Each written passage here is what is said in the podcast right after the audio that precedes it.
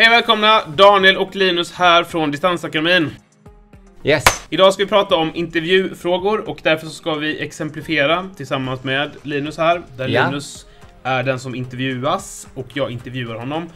Vi kommer ställa de vanligaste intervjufrågorna, Linus kommer svara och sen Jajamän. kommer jag ge feedback. Okej, den vanligaste första frågan under en intervju är att du får frågan Berätta lite om dig själv.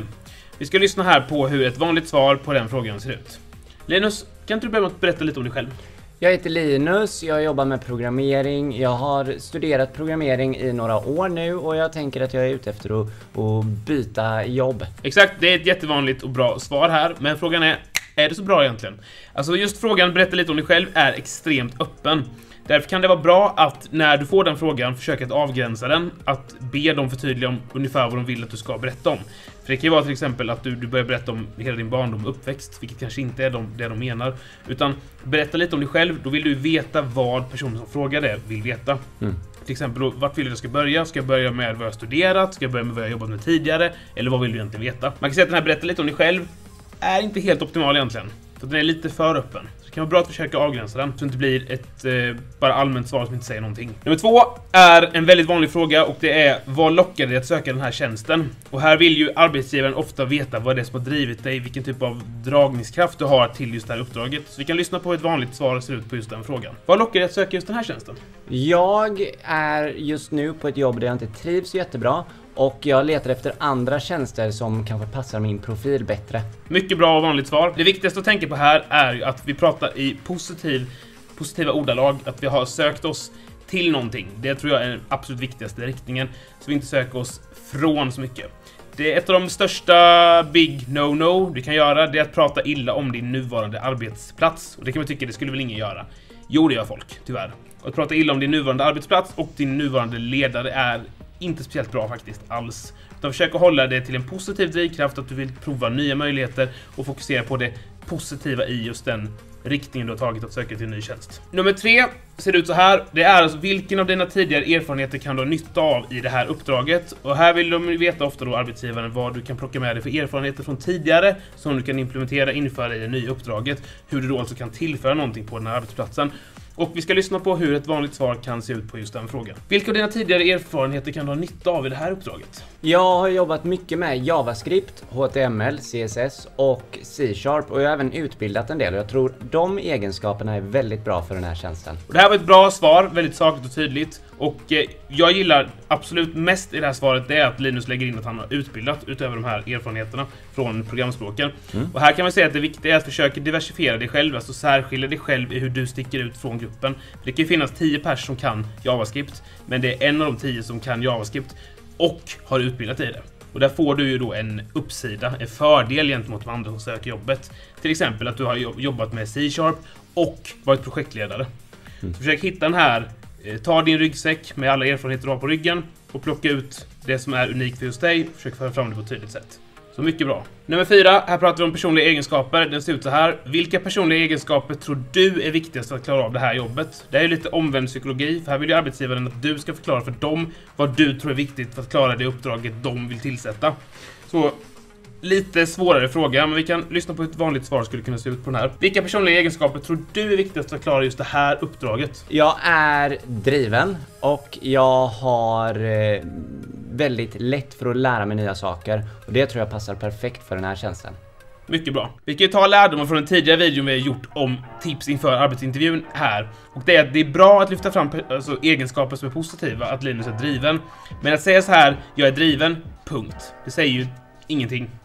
Det, det, det behöver exemplifieras.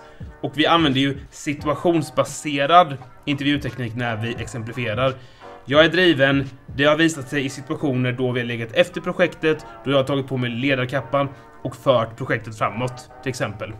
Så det säger någonting mer än bara adjektivet. Hur visar det sig i praktiken?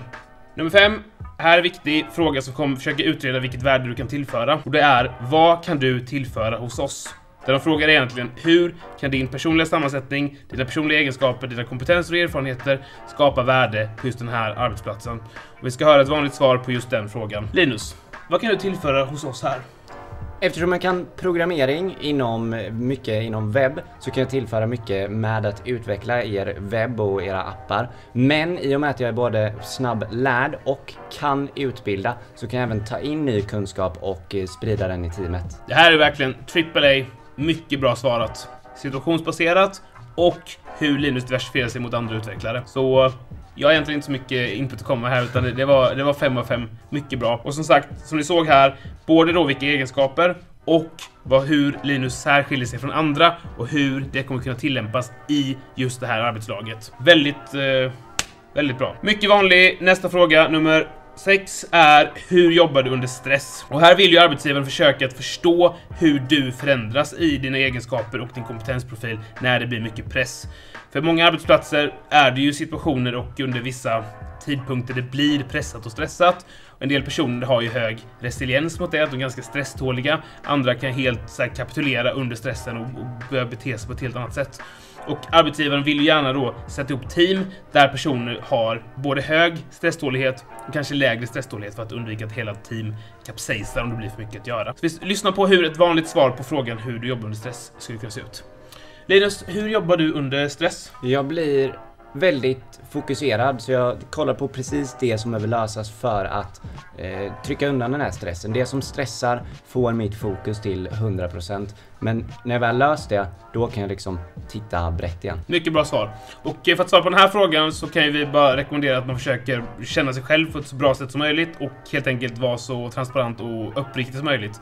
För att här kommer ju, det finns ju ingen som inget rätt eller fel. En del, alla hanterar ju stress olika. En del tittar bredare, och en del tittar smalare. Och båda de sammansättningarna behövs ju ett team för att få ett projekt framåt. Så som arbetsgivare här skulle jag vilja para ihop Linus med en person som kanske då tar mer ett holistiskt grepp. Så att han kan fokusera på att göra klart sina delar.